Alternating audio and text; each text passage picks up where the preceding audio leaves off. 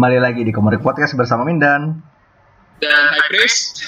Ya, sekarang kita udah kembali ke regularly scheduled programming setelah satu bulan penuh gesrekan kemarin. Hmm. Gesrekman kali ini udah kelar, tapi sekarang kita mau bahas komik yang sama gilanya juga sih sebenarnya. Dan topiknya nggak jauh-jauh sama yang topik kita terakhir, masih binatang ngomong. Hmm. yang ini serius dikit lah ya. Serius, lumayan serius. Dan emang keren. Ya kita akan bahas Animosity. Hmm. Ya, Ini kayak hmm? ini salah satu personal faith gue juga sih. Karena asik. Ini keluarannya Aftershock ditulis Mhm. Margaret Bennett, the artisnya Rafael de la Torre. Baru jalan sekitar 14 isu kurang lebih 14 isu itu main animosity-nya. main series ya. Nanti ada side series ntar kita bahas belakangan. Hmm. Tapi kayak khusus sekarang kita membahas 1 sampai 8 aja itu udah dua TPB pertamanya. Hmm. Nah, jadi main konsepnya adalah pada suatu hari mendadak semua binatang tuh bisa ngomong dan punya human intelligence. Hmm.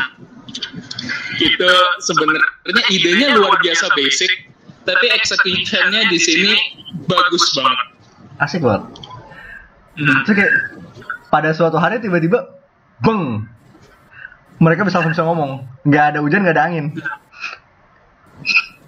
Ya kayak eh, intronya tuh literally eh rat exterminator dipanggil ke rumah orang. Begitu dia mau ngecek tikus yang ada di rumah itu, tiba-tiba dia diserang tikusnya. Terus tikusnya tuh teriak apa sih? Rat murderer. ya? iya murder murder terus Iya. dimakan Iya. Itu gila banget intronya aja udah gitu tapi sisanya jauh lebih gila lagi dari itu eskalasinya cepat. itu baru dua halaman pertama Heeh. nah ini ceritanya karakter utamanya itu ada anak namanya Jesse kayak 10 tahun kali ya kurang lebih Masih SD. heeh. Pokoknya SD SMP masih bocah intinya Mm-mm. Nah, long story short, dia ini punya anjing namanya Sandor. Itu reverse Game of Thrones kalau emang kalau lo udah bisa nebak.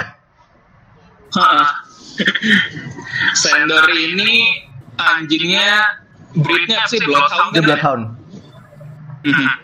Ya pokoknya dia si Jesse ini udah melihara Sandor tuh dari masih bayi lah. Mhm. Udah deket banget. Nah, mereka ini pas initial chaosnya binatang bisa ngomong ini mereka kepisah sama orang tuanya.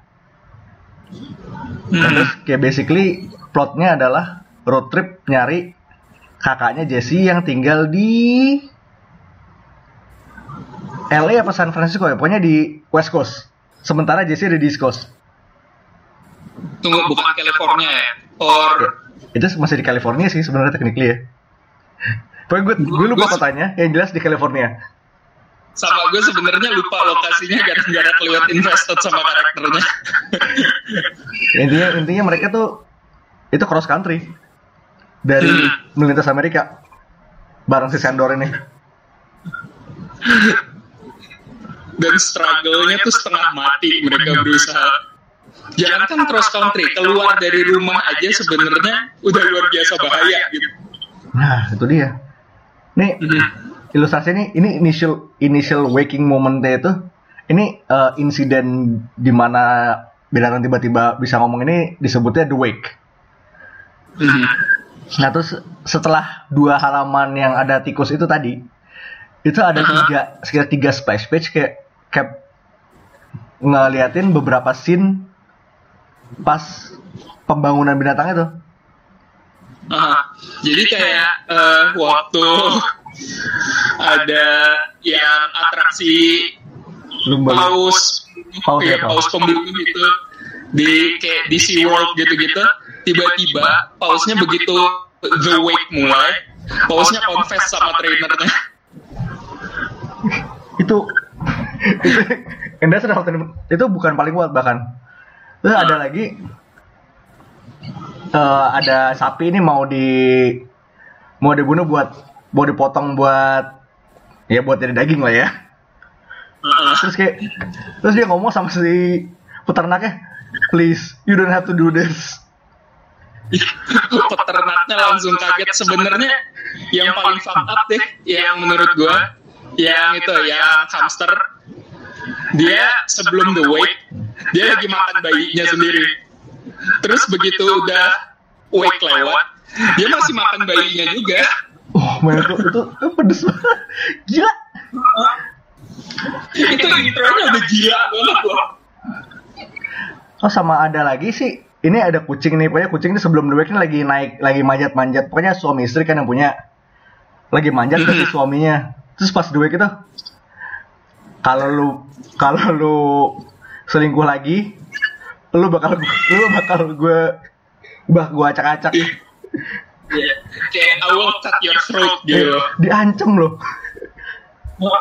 sama itu yang waktu ada orang lagi main komputer terus tiba-tiba iguana peliharaan dia bilang gue gak bisa nahan ini lebih lama lagi cowok lo selingkuh sama lo Cus. itu. Ya, tuh bener-bener gila banget. confessionnya binatang sih. Terus tuh, dan tiga tiga halaman Apa? itu tiga halaman itu ada satu overlay gede. Oh holy fuck. Tiga halaman splash page. Di tengah-tengah halaman itu oh holy fuck itu emang reaksi yang paling bener sih itu sebenarnya. universal reaction sama itu yang abis belum lama setelah page the wake ini yang gue suka adalah eh aftermath-nya begitu hewan-hewan ini udah punya eh, udah bisa ngomong dan punya sentience gitu ada hewan-hewan yang in- insting pertamanya tuh langsung nyerang manusia karena mereka selama ini udah ngerasa di abuse hmm. dan ada lagi beberapa hewan di panel-panel kecil di mana mereka berusaha nyelamatin mastersnya. karena selama ini kayak udah disayang di nurture segala macam gitu like it is that good. dalam cuman beberapa panel itu udah ditunjukin the world treats you like how you treat it gitu. Hmm. Terus jadi kita dia si salah satu yang nurture itu si Sandor. Dia kata-kata pertamanya pas week itu dia bilang I love you ke Jesse. Iya. Dan Jesse yang gue suka adalah innocence Jesse di sini. Waktu Sandor ngomong, dia bukan panik. Dia langsung meluk Sandor terus bilang I love you too. Kayak The pure. pure banget. Ini kayak abis lo ngeliat orang berantem di belak segala macam sama hewan tiba-tiba dikasih ginian tuh rasanya jaring banget tapi setupnya bagus buat buat perjalanan Jesse ke depannya Ya pasti pure banget terus. Sempet itu orang eh, sekeluarga Jesse sama ibunya tuh belum nyadar, belum nyadar di luar lagi ada lagi ada kerusuhan apa. Baru bap- bapaknya masuk, panik dia. Ba- bapaknya panik berusaha ngejauhin dari Sandor. Nggak, tapi tuh mereka tuh abis itu kan ke atap gedungnya ya, atap apartemen. Heeh. Nah, pokoknya intinya mereka diserang. Jesse mau hampir jatuh. Terus Sandor itu langsung loncat nyelamatin kayak nangkep Jesse terus ke Mas ngehajar jendela gedung Itu. seberangnya. Heeh. Dan yang ajaib pada di gedung seberangnya, begitu masuk ke kamar apartemennya, ada macan. Ada macan yang baru makan majikannya. Ini jadi kayak eh, langsung ke arah itu ya, gue aslinya udah nanya-nanya gimana orang yang punya exotic pets sama illegal pets gitu yang model-model macan gitu-gitu tiba-tiba langsung dijawab dan oh boy Boy, oh boy. Terus si macannya itu udah, udah mau ngehasut Sandor nih. Udah manusia tuh nggak guna, makan aja doang. Ngapain sih lu urus selama ini kan lu yang disiksa sama dia. terus Sandor tuh kayak enggak gue gak ngerasa disiksa lu aja gitu Itu beneran dilawan tuh macan. Nah, Sandor menang. Nah, menangnya gimana kalau boleh tahu Oh, ditusuk, men. Oh, Gila lu, lu kalau gue bilang anjing ngelawan macan, terus macannya ditusuk pakai pedang sama anjingnya, tuh aneh banget. Tapi di sini keren rasanya. Hmm. Tuh, glorious banget ini. Dan perlu dicatat nih, Sandor ini sebenarnya udah termasuk anjingnya tua loh. Yang kayak umurnya mungkin kayak tinggal 2 atau 3 tahun lagi. Oh, karena eh, ini ya sebenarnya eh, konsep yang cukup menarik juga gitu gue liatnya di sini kayak cat eh, cat years, dog years tuh kayak per ta- satu tahun tuh tujuh tahun manusia kan? Iya. Iya jadi kayak lu bayangin Jesse mungut Sandor paling enggak kayak udah dia umur berapa kalau gitu kayak umur tiga tahun lah lu anggap sekarang Jesse udah 10 kali Rese 10 10. 7 tahun. Anggaplah 10 7 kali 7 49 umur Sandor udah Ya udah om-om lah hitungannya. Om-om menjelang kakek. ya dan udahlah umur Sandor segitu komplikasi yang agak sulit lagi adalah Sandor sebenarnya bukan anjing yang sehat Iya. Nah. Oh, terus balik ke soal umur tadi.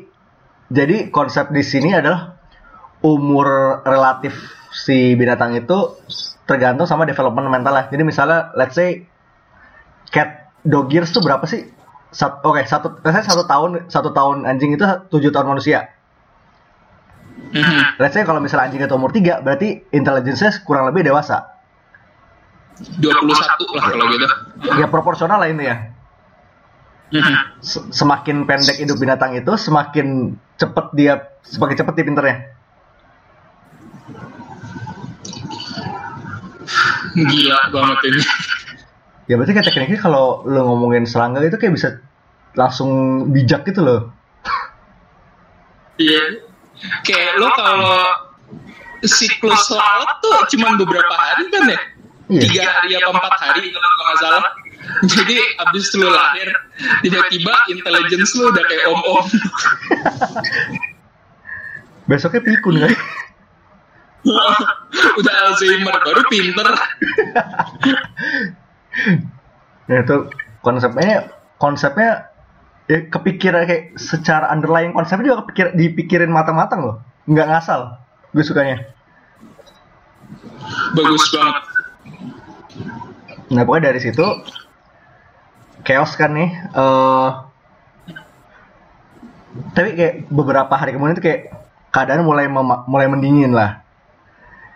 Udah mulai ada kayak trading po- trading post segala macem kan. Ya pokoknya itu gini. Lo nggak basically udah nggak bisa makan daging lagi. iya lu eh, kayak ada satu dialog Sandor sama bokapnya Jesse yang menurut gue tuh kayak ngebuat ini jadi serem banget jadi yang waktu bokapnya Jesse ngajak Sandor buat keluar hunting terus tiba-tiba Sandor Sandor tuh bilang kita ada di dunia yang kayak gini sekarang iklimnya nggak akan segampang apa yang lo kira. Kita ada di apokalips di mana bukan zombie apokalips. Di zombie apokalips kalau lu masih mau berburu hewan lu tinggal tembak tinggal lu makan kalau ini lu berburu hewan lu tembak lu dianggap pembunuh Nah, sesusah itu. Nah, kayak sementara itu si apa eh, Jesse sama ibunya itu main-main ke trading post. Intinya udah mulai ada komoditi segala macam per- barter, sistem barter balik lagi lah.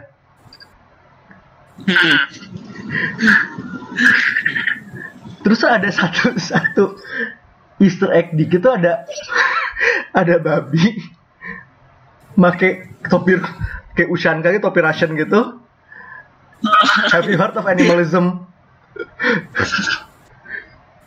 aduh babi babi komunis ya beneran Little communist pigs.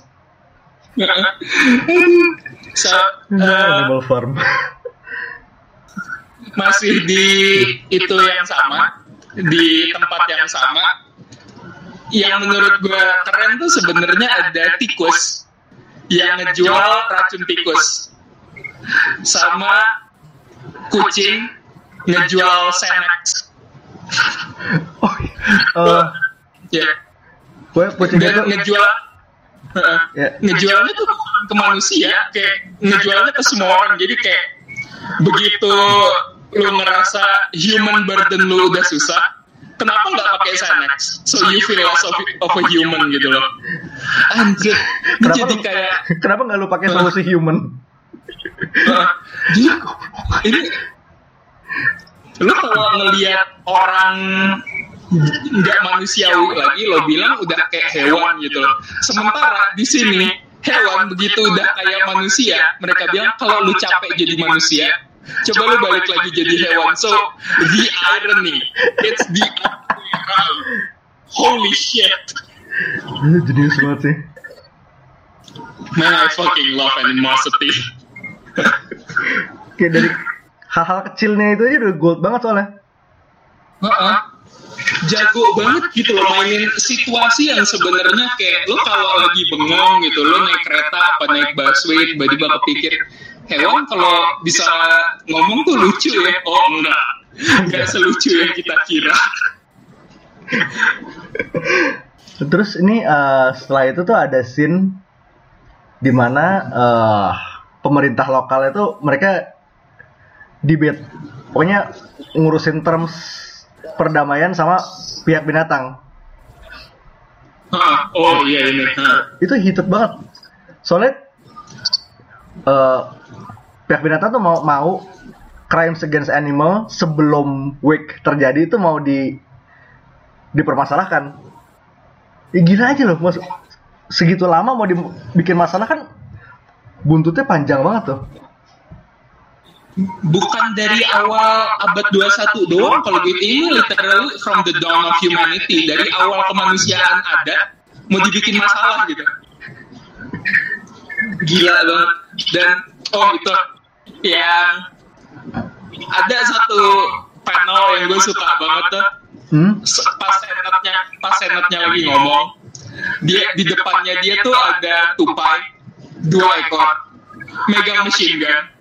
Di atas itu di atas apa sih? Rusak kan? what you Iya, di atas rusa ya it's a moose. Dan itu luar biasa liar gitu gue suka banget ngeliatnya Dan itu bukan imagery terakhir eh, animals with weapons di buku ini.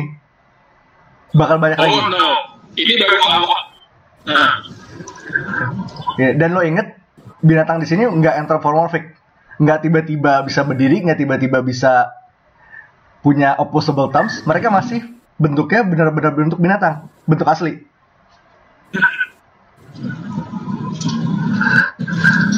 gila banget Terus dari pihak binatang tuh ngancem, "Eh, burung-burung kita udah ngejatuhin Boeing lu berapa biji. Lu mau itu lanjut apa enggak? Aduh, Iya. ini Bird beneran strike, bird strike juga pernah sih lo.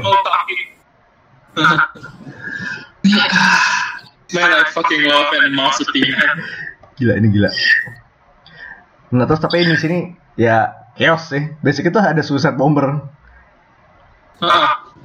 Kayak biasa kalau di tengah-tengah acara kenegaraan gini pasti ada aja yang radikal gitu. Nah ini Dan ini dan ini bukan eksepsi gitu. dan katalis sisa seriesnya emang di sini. Hmm. Dia berhasil panik. Jesse kepisah sama orang tuanya. Hmm. Terus time skip setahun. Setahun kemudian ya itu road trip Sandor sama Jesse. Dari mereka pisah dan sekarang mereka jadi Last of Us ya. Ya nggak salah. Asal pas iya juga sih. Iya. Lo, Londok and Kid. Iya. Nih kayak Last of Us, instead of your dad, it's a dog. And instead of a regular dog, it's your dad. Dogi Degi. Iya?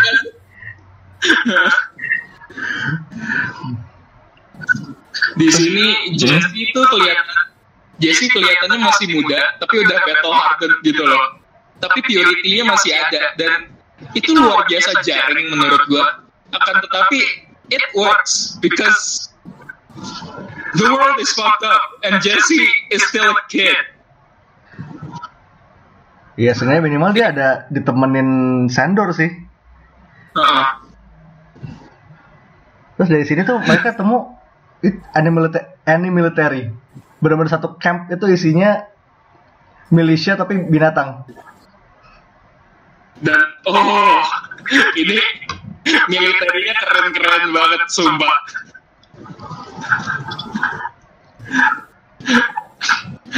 Kayak salah satu guardiannya tuh literally Blastoise. oh iya. Ada kura-kura bawa bazooka. Kura-kura di belakangnya missile launcher tuh anjir. Sama apa ya? Ada itu kan se- serigala sama anjing, Hmm. tapi mulutnya tuh pakai bear trap ya. Pakai bear trap. Jadi kayak Jaws versi anjing itu. Heeh. Gila itu keren banget. Nah, terus dari sini juga mereka dapat LI- LIS baru kan. Mhm. Ya pokoknya long story short ini let's say anim, the animal didn't work out.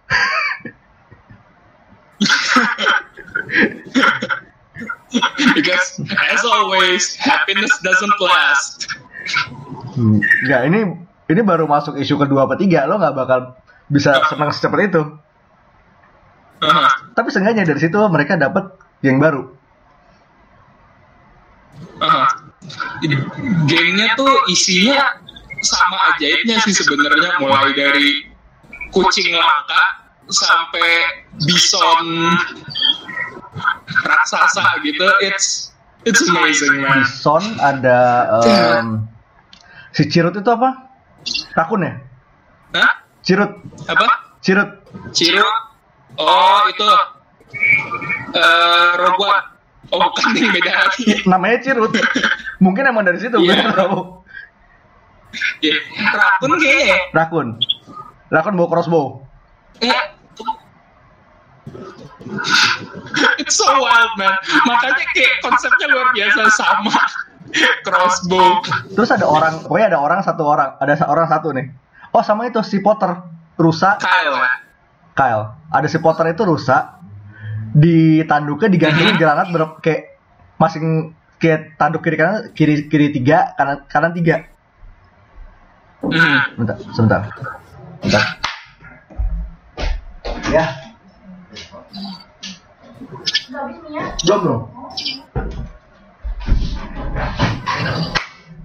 Nah terus tadi ada ada juga ada Potter. Eh, dia tuh rusak. Di tanduknya ada granat tiga. Pokoknya masing-masing tanduk tuh ada tiga biji granat digantungin. Selain Potter ada si kambing itu siapa sih namanya Zarza Moraka. Zarza sama adanya satu lagi gue apa namanya pokoknya dia. Si Zarza ini kayak kambing punk rock gitu ya. Kambing power pakai jaket, Hah? Kayak leather jacket gitu loh. jaket kulit gitu. Keren sih. Terus mereka dibawa. Tunggu. Hah? Ini menim- menimbulkan pertanyaan lagi nggak sih? Zarza pakai jaket kulit. Oh, sh- oh.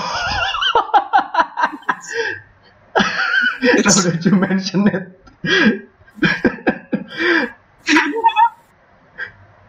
Nih, tapi mengingat itu jaket kulitnya pemberian ya nanti kita bahas lah itu agak ke depan soalnya.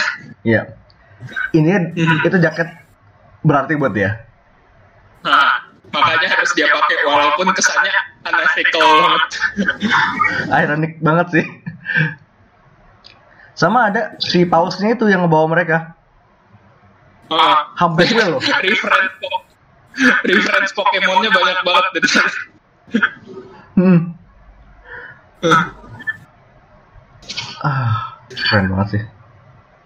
Terus balik ke oh, terus ada satu halaman itu di mana ada dua udang itu ngomong ini nih the wake itu sebenarnya nggak seberapa jauh ngaruhnya.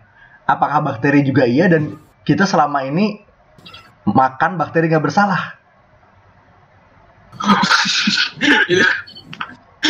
Mind blowing banget ya. How far does it go? Heeh. We- still don't know yet. Pokoknya sejauh ini kita tahu sampai level serangga itu masih kena. Mhm. Di bawah itu kita nggak tahu. Heeh. Tapi selama the band ini Gila, men. mendadak si dua udang ini kemakan sama humpback whale yang barusan. Iya. Ups. Suram banget. Tapi itu emang gold banget sih. Terus ya, terus ya biasa. Ini komik kurang lebih post apocalyptic pasti ada aja bandit, scavenger segala macamnya. Mhm. Terus di 6 isu 67 ini mereka ngelawan itu. Dan Jesse ini biar dia oke, let's say dia dia innocent, dia masih bocah, tapi tetap aja kalau udah tetap aja bisa berantem. Karena nggak no matter seberapa innocent lu kalau udah situasinya kayak gini, situasi pasti ngedorong lu buat jadi battle harden. Yep. Plus ditambah teman-temannya beres. Lo harus tahu. Temen-temennya Teman-teman beres banget. Terus ini uh, particular group of scavengers yang ini dipimpin sama sosok bernama The Dragon. hmm. Tuh dari namanya sebenarnya udah keren, tapi begitu lu tahu fisiknya kayak gimana, kayak nggak sekeren sebelumnya, tapi serem jadi ya. Jadi serem jadinya. Dia dia tuh uh, vulture ya. Iya dia vulture. Dia vulture dan dragon itu dapat dari dia bisa nyembur acid. Uh-huh. It's it's wild, man. It sounds stupid, but it's actually pretty damn wild. Ya kayaknya sih emang vulture beneran dari jenis itu emang bisa nyemburin acid ya biarpun oke nggak se nggak sehebat itu tapi ya Tapi imagery-nya di sini jadi keren kayak banget. se- serem banget. dan itu kayak cult leader gimana gitu loh. Uh, dia punya kultus dan pengikut kultusnya tuh beneran kayak mindless banget dan itu serem. nggak orang nggak binatang semuanya devoted ke dia. Terus dia tuh punya satu barn itu isinya mayat-mayat binatang entah binatang atau orang yang udah digantung buat dimakan Iya. Dan anjir itu beneran page itu gruesome banget. Gue takut ngeliatnya. nanti kayak ini emang kayak fight sama sama si dragon ini bener-bener dari awal sampai endingnya itu keren banget sih Hmm. Bagus banget. intens beneran kayak lo mikir kayak rakun rusak segala macam itu satu gengnya Desi, Jesse lawan vulture sebiji aja nggak akan epic ternyata nggak Kewalahan loh mereka dan kita bacaannya juga ikutan deg-degan gitu. Hmm. nah terus ini keadaan udah mulai mendingin dikit pokoknya vulture udah kelar nih Hmm. keadaan mulai mendingin dikit pertanyaan pertanyaan keluar the wake ini asalnya dari mana Kita selalu kembali ke sana. Pokoknya sama kalau lo ngelihat Why the Last Man, lo ngelihat Walking Dead, lo ngelihat apocalyptic comic apalah. Pertanyaannya adalah ini gimana bisa kejadian? Pertanyaan itu juga Mereka, mereka tuh ngabisin sekitar setengah isu ngebahas ini. Si isu 8 ini. Selalu kayak balik lagi ke asal ini ke- ini asalnya dari mana dan triggernya apa sampai ini bisa kejadian Gila banget. Terus ini kayak yang ngebahas biasa usual, usual suspects lah. God, science, aliens. It's, it's always those three. Nothing good from them. huh? Nggak, tapi kan ini bener- bukan kayak pembahasan main-main sih emang lumayan mendalam bahasannya. Bahkan kayak sampai religious stance soal binatang juga keserempet di sini. Mm-mm. Coba gimana kayak Hmm. agama-agama di dunia itu me- memperlakukan binatang kayak status mereka apakah mereka punya jiwa dan all that stuff itu ke- kena kebahas di satu isu ini. ya kayak sebenarnya balik lagi kayak di isu awal-awal kayak banyak yang agama garis keras yang menolak mereka hidup berdampingan sama agama gitu loh sih Yep. kayak waktu itu ada bapak-bapak yang preaching katanya eh, di Alkitab dijelaskan bahwa hewan diciptakan di muka bumi untuk menjadi budak-budak kita gitu gila but now the situation has changed this is not what your God told you gitu loh. Terus di sini juga plus ada eh, sedikit backstory-nya Zarza. Dan ini pahit sih. Jadi Zarza ini salah satu anggota gengnya Jesse ini paling nggak demen sama manusia. kelihatan banget dia benci sama manusia gitu Nah, di sini kelihatan kenapa. Kayak nggak bisa disalahin juga sih. Hmm. Pahit banget originnya. Dan terus ya, significance jaket tadi juga dilihat dilihatin di sini. dijelasin kenapa jaket itu berharga banget buat dia Ya, intinya tuh pemberian dari orang yang deket sama dia. Kayak gue akan ngasih siapa, tapi itu kayak ngena banget sih.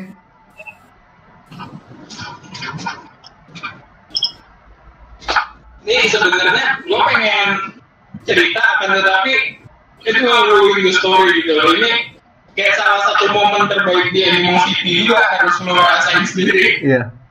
Karena dia juga emang udah dari pertama ketemu tuh udah kelihatan grumpy banget.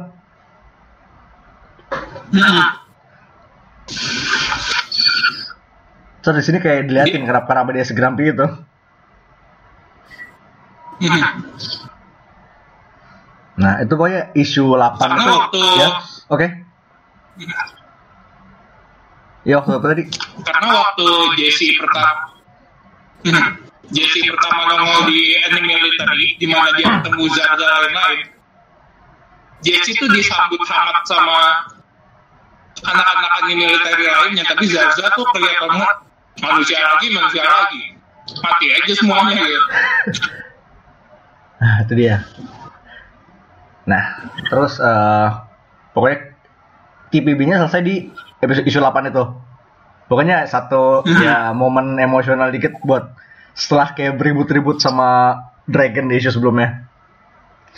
Terus setelah itu it only gets wilder sih.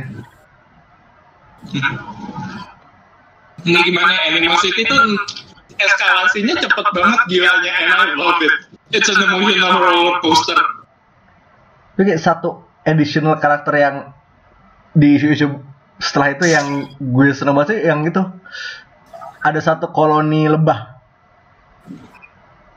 Iya, mereka sibuk nyariin queen-nya.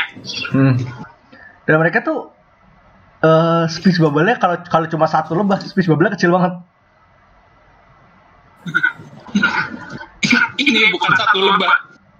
Ini satu koloni dan koloninya tuh bukan satu sarang. Nah, Ini literally satu terjun lebah. banyak banget. Itu keren sih. Hmm. Nah, kayak banyak lah dari animosity yang bisa lo yang bisa di ya pokoknya banyak banget yang menarik. Terus ini jadi satu universe sendiri. Ada beberapa side series dari ada satu side series ya. Ada side seriesnya. Oh iya. ah. Jadi tuh ada one shot dulu, The Rise, yang kemudian nyambung ke Evolution. Iya. The Rise tuh one shot apa mini sih? Mini kan ya kalau gua nggak salah. One shot kayaknya. One shot ya. One shot. udah lama. itu highlightnya ada di satu serigala gitu ya. Si uh, Wintermute. Iya. Ini di West Coast kan? Jadi, oh San Ah. Francisco ya. One San Francisco Hmm. pas pada hari The Wake. Iya. Dan itu tuh luar biasa keren sih sebenarnya. Dari premisnya secara singkat, oh, let me tell you, so I can sell you on this. Serigala, serigala cyborg. That's it. Dan bukan cuma serigala, dia Wintermute tuh punya anak buah banyak banget yang mayoritas cyborg juga. Heeh. Kayak gila. Nih lo kira anime military udah keren, pakai senjata segala macam ini enggak. Ini pakai cybernetic enhancement. Jauh lebih gila lagi. Ya ini jadi ya jadi universe kecil-kecilan lah ini. Sejauh ini jadi ada dua series yang lagi jalan. Dan selain dua series itu ada lagi eh itu ya World World of- of Animosity. ya. World of ini one shot bonusan di TPB volume 2 juga ada. Eh, dia itu semacam kalau lu pernah lihat Marvel guidebook gitu, ini kayak guidebook Animosity. Ah, ini kayak ngejelasin lu Animosity secara garis besar tuh apa, karakter desainnya kayak gimana. Ya, basic stuff like that lah. Ya pokoknya kalau emang mau up cepet bisa baca itu dulu gitu. Nah, terus ini ada beberapa minggu lalu nih ada berita menarik. Berita yang menarik banget dari Iya. Animosity. Yaitu adalah Animosity dapat deal film sama Legendary. Legendary. Man, I'm so excited for this. itu gue sebenarnya bisa lebih bisa lihat ini sebagai series, tapi kayak untuk film jadi trilogi juga dapat. Nah, ini sebenarnya gue dari harapan pertama gue dulu adalah sempet gue obrolin juga sama Dana, yaitu Animosity dapat series dan di develop sama sci-fi. I'm happy to not. Konsep, konsepnya luar biasa sci-fi dan who wouldn't watch it? Tapi ternyata di pick up sama Legendary dan gue luar biasa senang. Ya, This is fun. this is very fine. Tapi gini ya, to be fair, eh, kalau kita ngomongin sci-fi series itu kualitasnya oke oke. Maksudnya gue gak, gue gak akan Ah, expect ini bakal dijadiin kayak Ghost Shark juga sih. Iya. Tapi- Yang paling enggak kayak Happy kemarin luar biasa bagus. Kayak apa? Happy. Hap oh, iya. Mereka mereka bisa bisa main mature. Mereka bisa main yang serius tapi rada-rada nyeleneh. Itu sci-fi. Tapi ini legendary. Hmm. Namanya udah gak usah ditanyain lagi sih. Legendary itu salah satu company yang hidup sesuai namanya ya. Banget. Eh, so far dia belum ada kejelasan bak siapa yang bakal megang. Tapi gue sih percaya aja. ya karena ini yang pick up studionya sih jadi gue langsung percaya nggak kayak kemarin kasusnya Lumberjane sama Goldie Fans Setahun kemudian tuh belum ada suara apa pun loh. Kayak padahal direkturnya udah ada terus waktu katanya siapa? casting udah mulai tapi tapi nggak pernah ada berita lagi hilang. Tapi Iya. biasa nih em, kalau emang kita ngomongin adaptasi film-film dari komik indie itu kadang suka emang hilang muncul. Mhm. ini hopefully bakalan ada itunya sih ada kejelasannya gue berharap banget because it's so good man Ini kayak bahan franchise juga soalnya. kayak bisa lo expand ke bahkan kalau misalnya lo mau bikin speed of series juga ayo-ayo aja gitu Aha. Ini kalau sampai dapat film dan filmnya bagus, nggak menutup kemungkinan bakalan dapat TV series sih. Gue yakin banget. Hmm. terlalu dunia terlalu gede buat explore di satu media doang Mhm. Bisa kayak John Wick nanti. ada seriesnya ada komiknya yang komiknya baru baru dua isu setelah enam bulan Iya gila loh John Wick tuh kita perlu sabar ya. Ini at some point kita bakalan bahas komik John Wick, tapi kita nggak tahu kapan. Mungkin begitu gue udah sarjana dan Dana udah nulis Spider-Man di Marvel nanti. ya kita tungguin aja Nah, tapi kalau kalau gue lihat nih, let's say filmnya keba gue kebayang Jesse-nya itu sih itu, Cassie-nya Ant-Man. Kalau nggak itu, kalau nggak Iya. dia, Dave Nikin. Oh iya Daphne Kin dapat sih sebenarnya dan Daphne eh umur mereka tuh nggak beda jauh kan ya masih sama ya. Ya kurang lebih sama lah ya. Gue nggak tahu exact numbernya gitu. Tapi kayak eh si Cassie lebih dapat sih kalau menurut gua karena blonde Innocent itu.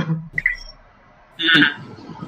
Dan Sandor ini gue kebayang banget suaranya Peter Cullen-nya Optimus Prime Bisa. karena luar biasa berwibawa dan berat gitu gue kebayangnya. Siapa kalau gue? Yang suara-suara berat-berat. Jeremy Irons gitu. Oh iya dapat sih itu dapat banget. Epic banget kata dia. wibawa banget. Ini kan, masa dia juga Sandra majestic Iya. majestic gimana gitu? Uh, man, the possibilities are endless. itu menarik banget sih nih kalau pokoknya sampai jadi movie ini potensial bakal gede Iya. Ini kayak konsepnya luar biasa basic, tapi kalau diangkat ke layar eh, ke layar bioskop dan yang megang legendary, gue percaya banget. ini kayak bisa jadi film anak yang apa ya, bukan film anak kayak PG-13 yang diem-diem mature gitu. Aha. atau kalau nggak ya bisa bisa ngegas terus dan terus jadi R-rated sih. Approach-nya bisa dua-duanya. Ini kalau kalau sampai jadi unrated kayaknya emang bakalan pindah ke sci-fi deh, gue yakin. maksudnya dari 8 isu pertama ini aja kayak violence-nya itu lumayan banget Ya kayak eh, violence-nya Animosity dari awal tuh no holding back banget. Mulai dari ya kayak yang tadi gue bilang hamster makan anak sendiri, terus sendor ngebacok macan pakai pedang. Ya possibility-nya benar-benar banyak ini gue tertarik gue bakal pantau terus nih proyeknya sih Sama. Nih gue bakalan selalu keep up sama berita Animosity ini pasti. Nah, terus selain itu ada satu Talking Animal series yang termasuk yang wajib baca juga nih. Ah, Yang eventually bakal kita bahas juga. Itu Black Set. Iya. Black Set is Fury Noir. ini per ini ini bener-bener ini sebenarnya detektif story tapi pakai karakter Disney. Basically. Ya, se- secara teknis nggak salah sih. Ini kayak Hanna Barbera berusaha ngebuat cerita LA Noir gitu. Iya. Em, ini emang nggak main-main ini Juan eh, yang megang itu writernya Juan Diaz Canales, em, artisnya John Guarnido. Ini komik Spanish, tapi udah dis- didistribusin Dark Horse ke internationally. Ada sejauh ini empat graphic novels. Hmm. Dan semuanya bagus banget. Mulai dari cerita, art, semuanya eksekusinya oke banget. Not gonna lie. Artnya cakep banget. Painting, painting kan? Ah, it's gila ini makan makan waktu berapa banyak ya? Ya makanya kalau enak. jaraknya lama. dan cantik Worth, banget dan worth sih. nggak lama nggak lama lagi juga eh, Black Set ini bakalan dapat game ya. Gamenya lagi dalam pengerjaan, adventure game. Aha. Sempat ada movie deal diomongin, tapi so- sejauh ini belum ada kejelasan juga. Eh, kalau movie dia Black Set sebenarnya gue agak concern sih. Andai kan ini nggak animated, bakalan repot banget. Gak mungkin gak animated. Masa iya lo mau jadi kayak Planet of the Apes gitu? Ya, Ini ntar filmnya gimana gitu kalau nggak animated? Masa orang-orang pakai fursuit kan nggak lucu juga. ya itu eh audiensnya udah pasti ada fix fix audience sih. Cuma kan Cuma ya nggak akan diterima halayak gitu. tuh gini lah, ini Black Set ini basically adalah Gritty Zootopia. Ah, Kayak secara Zootopia. graphically itu masih lumayan lucu, masih kayak lumayan cute. Tapi subject matternya ini noir banget. Ah, kayak literally eh, graphic novel pertama udah ngebahas pembunuhan orang. Ya pokoknya tipikal lo ngelihat novel atau film noir ceritanya ya gitu. Pembunuhan, pencurian segala macam. Tapi tep- bahkan ini sempat nyenggol racism, racism juga menarik dari Iya. racismnya dari warna bulu. Iya. Jadi sebenarnya bisa dihindari kalau mereka punya cat sih, tapi Still. ya tetap aja lah ini pokoknya well made banget. Black Set is very good, Iya. recommended. So when you think about it kayak kalau lihat ada satu particular scene itu Black Set itu Black Man. Terus gue kebayangan pada Idris Elba gitu. Iya, anjir kalau filmnya jadi gue pengen Idris Elba jadi Black Set. God damn. Itu image-nya keren banget.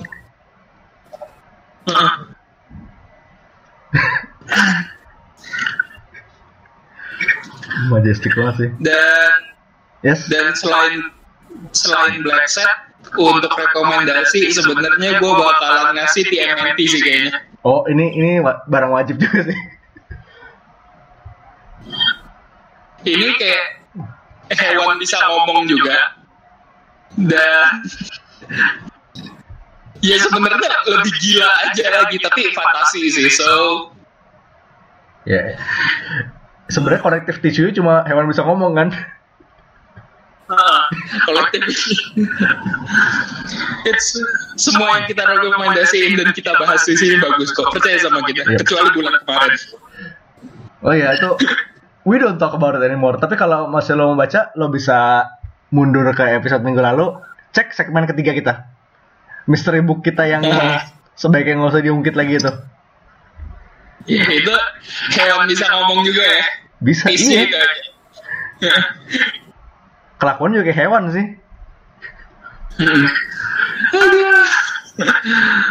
Dan lo selama baca juga bakal, bakal ngeluarin kata-kata nama-nama hewan.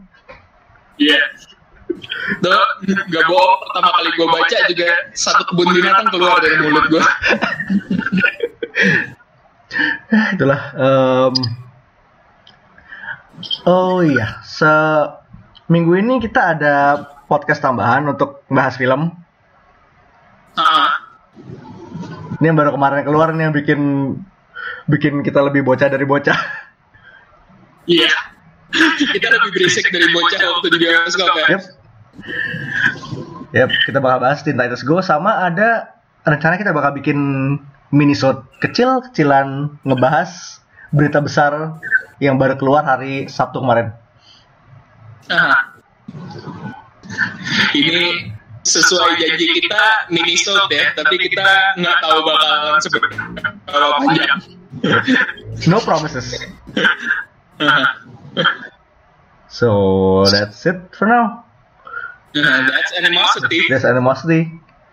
Uh, Sampai jumpa di hari Rabu untuk untuk episode review Teen Titans kita dan sampai jumpa di hari mungkin beberapa jam yang lalu atau beberapa jam akan datang untuk minisode ini. we'll see, we'll We'll see. see. So, this is Mindan. Versus High Priest. Signing off. Isso.